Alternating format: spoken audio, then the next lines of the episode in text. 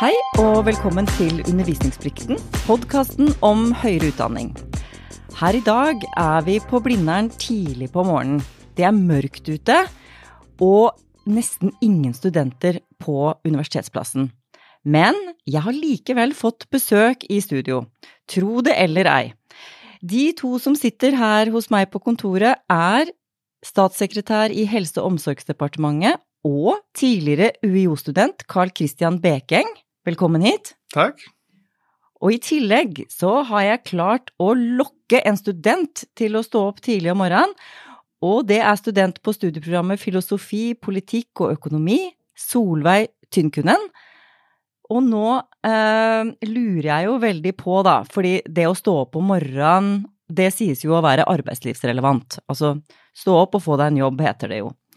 Men hvordan er dere egentlig på dette med å stå opp om morgenen, og hvor mye har det endra seg for deg etter at du begynte i jobb, Carl Christian? Nei, da, da, jeg begynte i jobb, så begynte jeg å stå opp eh, tidlig om morgenen til faste tider. Eh, da, da, jeg studerte, så likte jeg å sove lenge og gjorde det hvis jeg kunne. Eh, men det var jo faser hvor man skrev master eller eh, oppgaver og sånn, hvor det var lurt å stå opp tidlig for å komme godt i gang. Og nå har jeg en ettåring hjemme, så nå står jeg opp eh, mellom fem og halv seks uansett. Så nå eh, er man eh, bundet til den klokka. Ja, du har en levende vekkerklokke der. Ja. Ja, og hva med deg, Solveig? Jeg pleier å være på Blindern mellom ni og ti, så det her klokka åtte var litt tidlig for meg, hvis jeg skal være helt ærlig. Men ja, jeg er ikke akkurat det man ville definert som en morgenfugl. Nei, men jeg er veldig glad for at du kunne komme uh, på dette tidspunktet. Og så uh, vil jeg bare høre litt mer om studievanene dine. fordi når du sier at du er her mellom ni og ti, så er det fast, ikke sant? Du har en rytme på, på studiene. For dette å studere på universitetet handler jo mye om selv, altså selvdisiplin, eller det å ja, det, styre dagen sin selv? Det er jeg helt enig i. Um, man har jo veldig mye mer frihet når man kommer på universitetet i forhold til videregående. Um, så jeg pleier å sitte på Blindern fra 9-10 til 4-5, um, men det varierer jo fra dag til dag, og det er jo andre ting som skjer også, som man må ta hensyn til. Ja, absolutt. Eh, det du beskriver nå er jo nesten som en vanlig arbeidsdag, og det er jo noe av det vi anbefaler studentene våre. Det er jo å se på studiene som arbeid, eller at man ja, jobber til faste tider og tar seg fri i helgene og fri på kveldene. Men som Carl Christian sa, så er jo den friheten i å være student, den opphører jo når man kommer i jobb. Så det å kunne sove lenge og, og heller ta skippertak i helger og jobbe hele natta med oppgaver før frister, det, det er jo noe som kjennetegner studielivet. Men er dette noe du savner nå eh, når du er i jobb?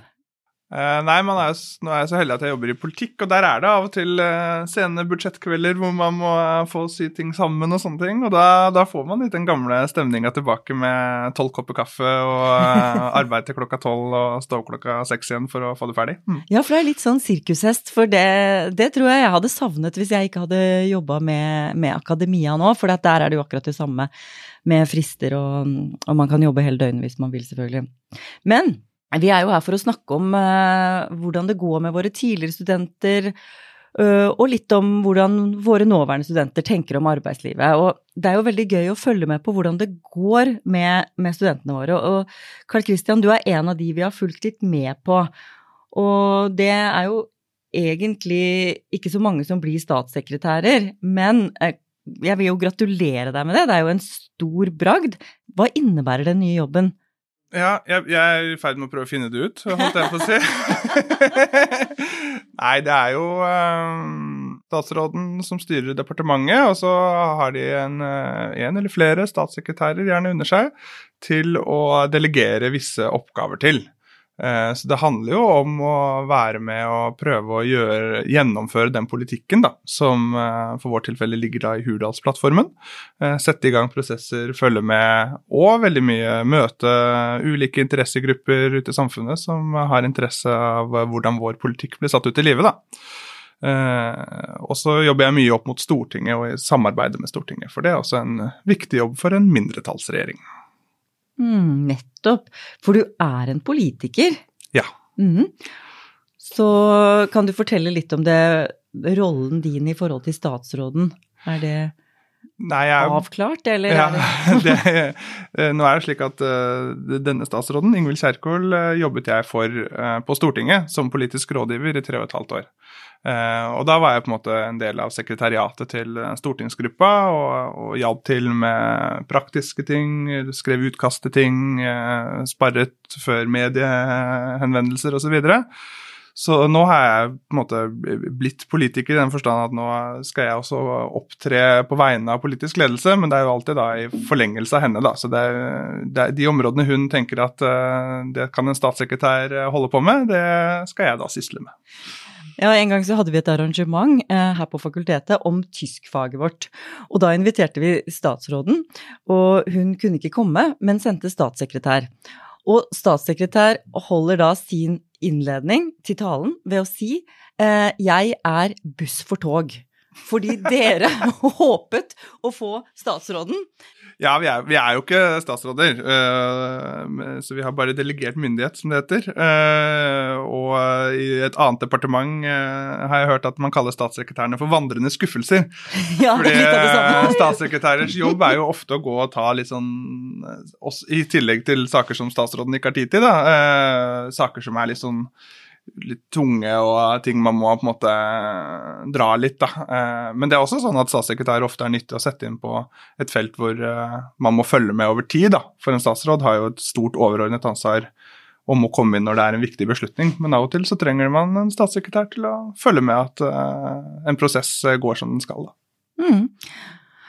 Hva med deg, Solveig? Hva tenker du når du hører dette? Er det fjernt fra det du tenker om arbeidslivet? Um, altså, jeg er jo bare på første semester nå, og jeg kommer rett fra videregående.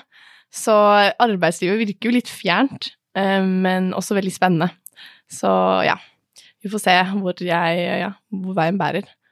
For du har jo valgt et studieprogram som heter noe med politikk, i hvert fall. Altså filosofi, politikk og økonomi. og da er jo det ikke så unaturlig at man Ja, man har jo kalt denne linja for uh, statsministerskolen. Har du hørt det? Eh, det har jeg hørt, eh, ja. Det er jo det de omtales eh, i England. Jeg vet ikke helt hvor relevant og riktig det er å kalle det det her. Men det er jo helt klart et studie som er rettet mot politikken. Med ja, filosofi, politikk og, og økonomi da, som støtter opp og tar opp forskjellige deler av politikken. Ja, det er jo et relativt nytt studieprogram, og det fantes vel ikke da du studerte her, Carl Christian? Nei, det tror jeg ikke. Hva er dine akademiske meritter? Hva er din utdanning? Er det Du har gått her på HF, vet jeg, men du har også studert andre, ved andre fakulteter på UiO? Ja, jeg begynte også rett etter videregående eh, og skulle studere historie. Og da skulle jeg begynne på begynnelsen, så da tok jeg antikk kultur og klassisk tradisjon, het den bacheloren. Jeg vet ikke om den fins eh, heller lenger. Eh, og da måtte man ha latin. Uh, og så ble jeg veldig forelsket i det språket, og studerte egentlig som latinfag og historiefag ved siden av hverandre. og i min tid så var det en sånn ting at mens man tok bachelor, så skulle man studere så mye som mulig. Så vi tok jo masse ulike rare studiepoeng. Så jeg tok bibelhebraisk og sentraleuropeisk historie og uh, Midtøstens religioner. Veldig mye rart og morsomt. Eh, som vi skulle prøve å få pressa inn i Eller det ble ikke pressa inn i graden, men det var for å ha liksom, eh, litt, litt, bredde da, i det man holdt på med. Men så ble jeg vel liksom fanget av latinfaget. Det var også det jeg var best til. Eh, og så tok jeg master der. Det er jo et veldig lite studium, det er ikke så mange studenter. Nei, så det er derfor vi husker hver og en av dere. Eh, men ofte da veldig dedikerte studenter, da, og, og, og fordypet meg i Senecas eh, tragedier. Og hadde en eh, fantastisk professor, Monica Castelas, som Jeg var da også en veldig aktiv student, så jeg gjorde veldig mye på siden av studentersamfunn og litt studentradio. Og, du bodde på Blindern? Ja, ja. Blindern og Chateau Neuf var på en måte mine to uh, Det tok lang tid før jeg var i sentrum i det hele tatt. Uh, og, og, professoren min sa jo til meg på et tidspunkt da jeg skrev masteren, at, uh, at jeg er født i feil århundre, for det var jo umulig nå å både være politiker og studere latin. Der tok hun jo feil. ja, men Alltid herlig når folk tar feil. det var nok velment. En gang jeg hadde engasjert meg litt for mye i noe annet og ikke gjort leksa, tror jeg. Uh, og så tok jeg da, mens jeg jobbet, uh, diverse jobber, så tok jeg jussen uh, ved siden av, da. Mm. Dette er jo litt over gjennomsnittet ambisiøst, vil jeg si. Du har jo, ja, to mastergrader og mye aktivitet. I tillegg så er politikken noe du har jobbet med ved siden av, så kan du fortelle litt om det også? Ja, jeg, altså, som, da jeg var student, så var det, var det ikke eh, partipolitikk som sådan. Jeg var opptatt i studentspørsmål og, og studentersamfunn. Ideen om at studentene er en egen liten offentlighet med sin egen avis og sine egne politikere og sin egne radio, og det er eh, masse ting man kunne gå på. Det var mye som ble diskutert som bare var for studenter, da, og det syns jeg var veldig gøy og engasjerte meg masse i. Uh, og så, da jeg kom ut av den bobla, så hadde jeg noen år i arbeidslivet hvor jeg mangla det, da. Hvor jeg syntes at den, den dimensjonen var borte. Uh, det var gøy å jobbe og hyggelig å ha kolleger og veldig fint å endelig tjene penger. Men, uh, men den, den, bobla av folk som kan snakke om hva som helst, og som satt alt er spennende, og som har lyst til å gjøre noe med samfunnet, den var litt borte. Og da Jeg hadde vært medlem i Arbeiderpartiet lenge, men da engasjerte jeg meg ekstra, og så søkte jeg når den dukket opp en jobb på Stortinget, da, eh, som jeg var så heldig å få. Og da ballet det på seg etter det. Mm. Mm. Men tror du utdannelsen din har hatt noe å si for at du fikk den jobben på Stortinget, og i hvilken grad har du hatt nytte av sånn som latin og, og juss? Juss er jo et sånn potetfag, så det kan brukes til, eh, til veldig mye. Uh, latinen må man jo argumentere litt for. Altså, En generell HF-utdanning da, gjør jo at man er god på tekst. Uh, og politikk handler jo i veldig stor grad om å uh, avdekke og balansere interesser. Man må finne ut hvem som er interessert i hva, og hvorfor de er interessert i det, og ulike begrunnelser for ulike argumenter. Eh, og det å lese Cicero eller å lese Cæsar eh, kritisk, eh, eller sikkert Hume og Kant som dere leser eh, på dette nye faget, det er jo å prøve også å liksom avkle hva er det som ligger under her. Eh, og det er det jo veldig mye av min jobb består, i, særlig i Stortinget. da, eh, å, jobbe med den type ting. Og det tror jeg man finner interesse for i arbeidslivet overalt. da, Så den evnen til å raskt lese, forstå og etter hvert også produsere eh, tekst, eh, tror jeg er eh, nyttig i alle mulige sammenhenger. Eh, særlig da i offentlig forvaltning og politikk, og også for så vidt i næringslivet. Mm. Ja, Solveig, du sier at uh, du er førsteårsstudent, kommer rett fra videregående, har ikke så klare tanker om arbeidslivet eller kanskje hva du skal bli, men du valgte jo dette studieprogrammet av en grunn. Eh, det er jo et populært studieprogram. Mange søkere, få plasser, høye opptakskrav. Jeg vet ikke hva var grunnen til at du valgte dette? Um, altså det er jo et tverrfaglig studium som jeg føler har tatt med de to fagene jeg liker best, som er eh, økonomi og uh, ja, statsvitenskap. Um, og så er det jo også et lite studie, og jeg har på en måte tenkt at det er fint. Og at man kan få et uh, ja, lite miljø, da, um, å knytte nære vennskap og bli en liksom samlet gruppe. Og det føler jeg også vi har gjort. Det har vært veldig fint. Og også, ja, grunnen til at jeg søkte her, da. Ja, så du tenker det at det er få studenter, og at det er et sånn Ja, den, den kullfølelsen, da? Ja, rett og slett. Man får jo liksom gruppeidentitet. Og det, ja, satte jeg i hvert fall pris på. Mm. Men drømmer du om å jobbe i politikk, eller har du, har du noe som helst eh, idé om liksom hvor du vil, eller er det helt åpen? Eh, det er ikke noe galt i det, for det er veldig mange av våre studenter som er det, og også jeg selv var helt åpen da jeg begynte å studere. Nei, jeg får se litt hvor veien tar meg, men jeg tenker det blir nok noe økonomi på meg etter hvert, og så får vi se hva jeg gjør med det, da. Eh, men politikken virker jo også veldig spennende. Ehm, så vi får se. Jeg gleder meg.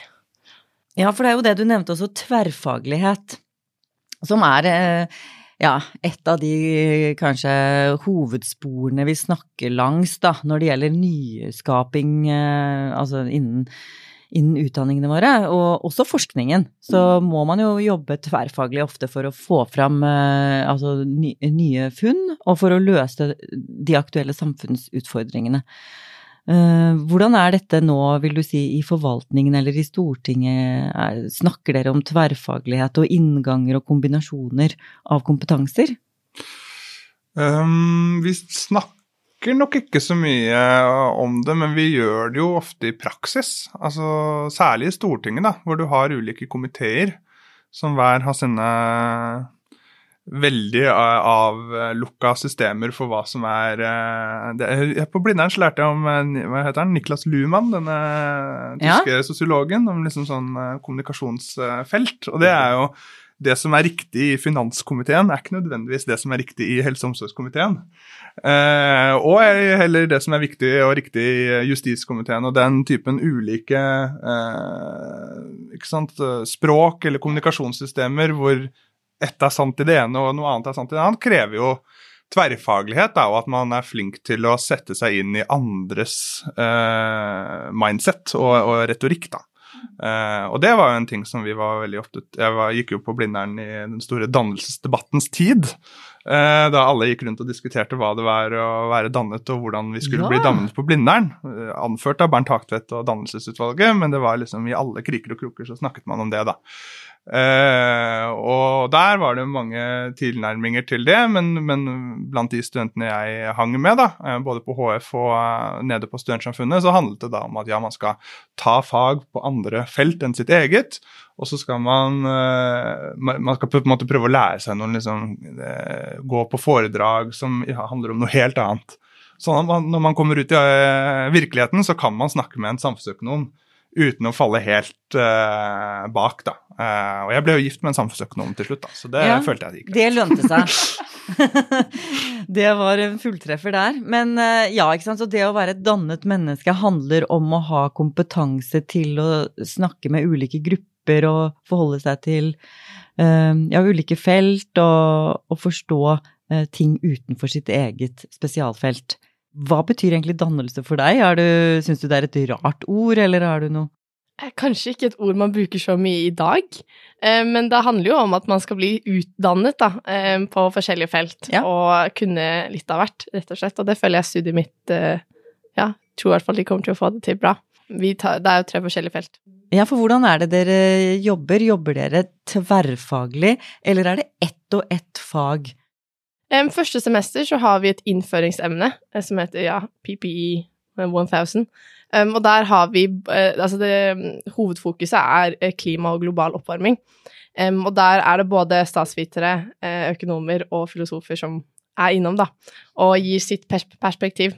men ellers så er det jo mest at vi tar altså, enkeltemner i de forskjellige grenene, mm. og så ja, binder vi det sammen. Men dette fellesfaget høres spennende ut.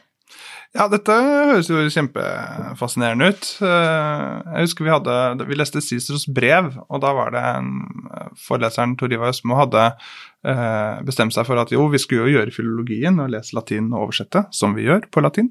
Eh, men han hadde også med seg da ulike sånn leserteorier fra ulike HF-teoretikere, og så var det liksom noen sosiologer som han tok med, som kunne brukes til å liksom lese disse brevene på nytt og på nytt. da. Og det var et kjempespennende fag. Eh, så det å nettopp ta kanskje utgangspunkt i én ting, og så legge på ting fra andre fag, det tror jeg er både gøy for forskere og studenter. Ja, absolutt. Og du snakker jo om eh, det fellesemnet bærekraft. Eh, som eh, er jo samlende tematisk, men man har ulike faglige innganger til det. Ja, rett og slett. Og ja, klima og miljø, global oppvarming, er jo superrelevant nå også. Så jeg føler vi får, ja, mye spennende i ett fag. Ja, og, og, det er jo inspirert av England, som vi nevnte med statsministerskolen, og der har jo dette, dette studieprogrammet eh, veldig høy status, og det er jo i ferd med å etablere seg i Norge også. Du er jo blant de pionerene, da.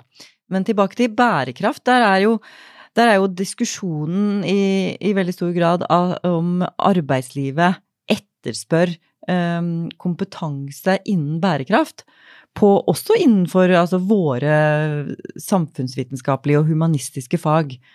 Hva er inntrykket av det? Er det en av de også store trendene, altså i tillegg til tverrfaglighet?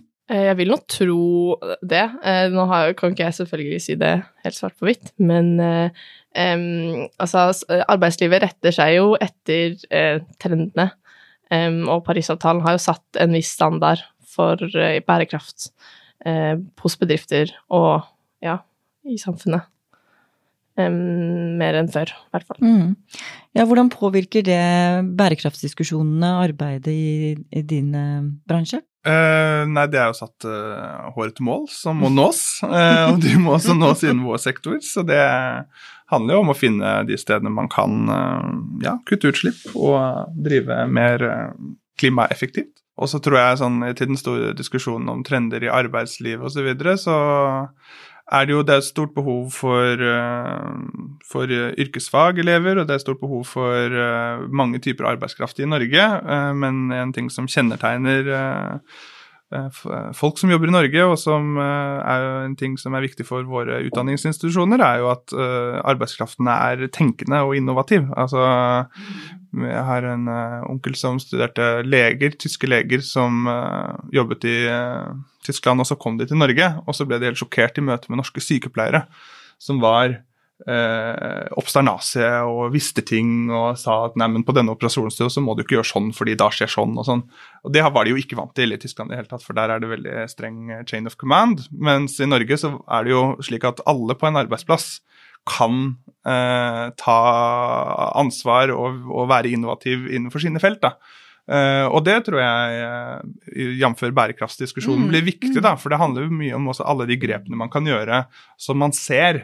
Ikke bare når man sitter i en ledelse eller kommer inn som konsulent, men uh, også i virksomheter og bedrifter rundt omkring i landet. Da. Og hvis vi ikke bruker de, så tror jeg vi aldri når Paris-målet.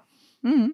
Ja, det er jo et godt poeng. Og e, et godt poeng kanskje også om den nordiske modellen og, og den norske likhetstanken. Om at eh, alle, hva er det dere sier i Arbeiderpartiet, alle skal med. Eh, og... Nå sier vi at det er vanlige folks tur. Ja, nå er det vanlige folks tur. Og, og vanlige folk må også ha eh, For det første så må de ha lov til å, å si hva de mener og tenke, og, og få utdanning. Ja, og, og, og det, til dette med når man går ut i arbeidslivet, også fra Blindern, da. Så jeg tok uh, jobben en del år i Helsedirektoratet bl.a. og litt andre steder. Og det tror jeg er viktig å Du sier at du ikke liksom har helt klart en plan. At når man er ute av studiet, at man ikke tenker at man skal liksom rett inn og bli et eller annet sånn veldig forhåndsdefinert, men det å liksom gjøre litt jobber, se litt hvordan det ser ut rundt omkring.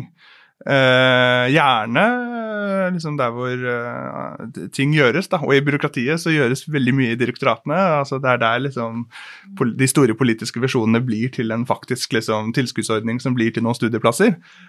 Og det å skjønne hvordan det funker, egentlig, det tror jeg er viktig. da. Og det er en sånn kunnskap du ikke får på universitetet, og som det også etter hvert kan være vanskelig hvis man liksom sitter på Stortinget, at man ikke får helt oversikt over det.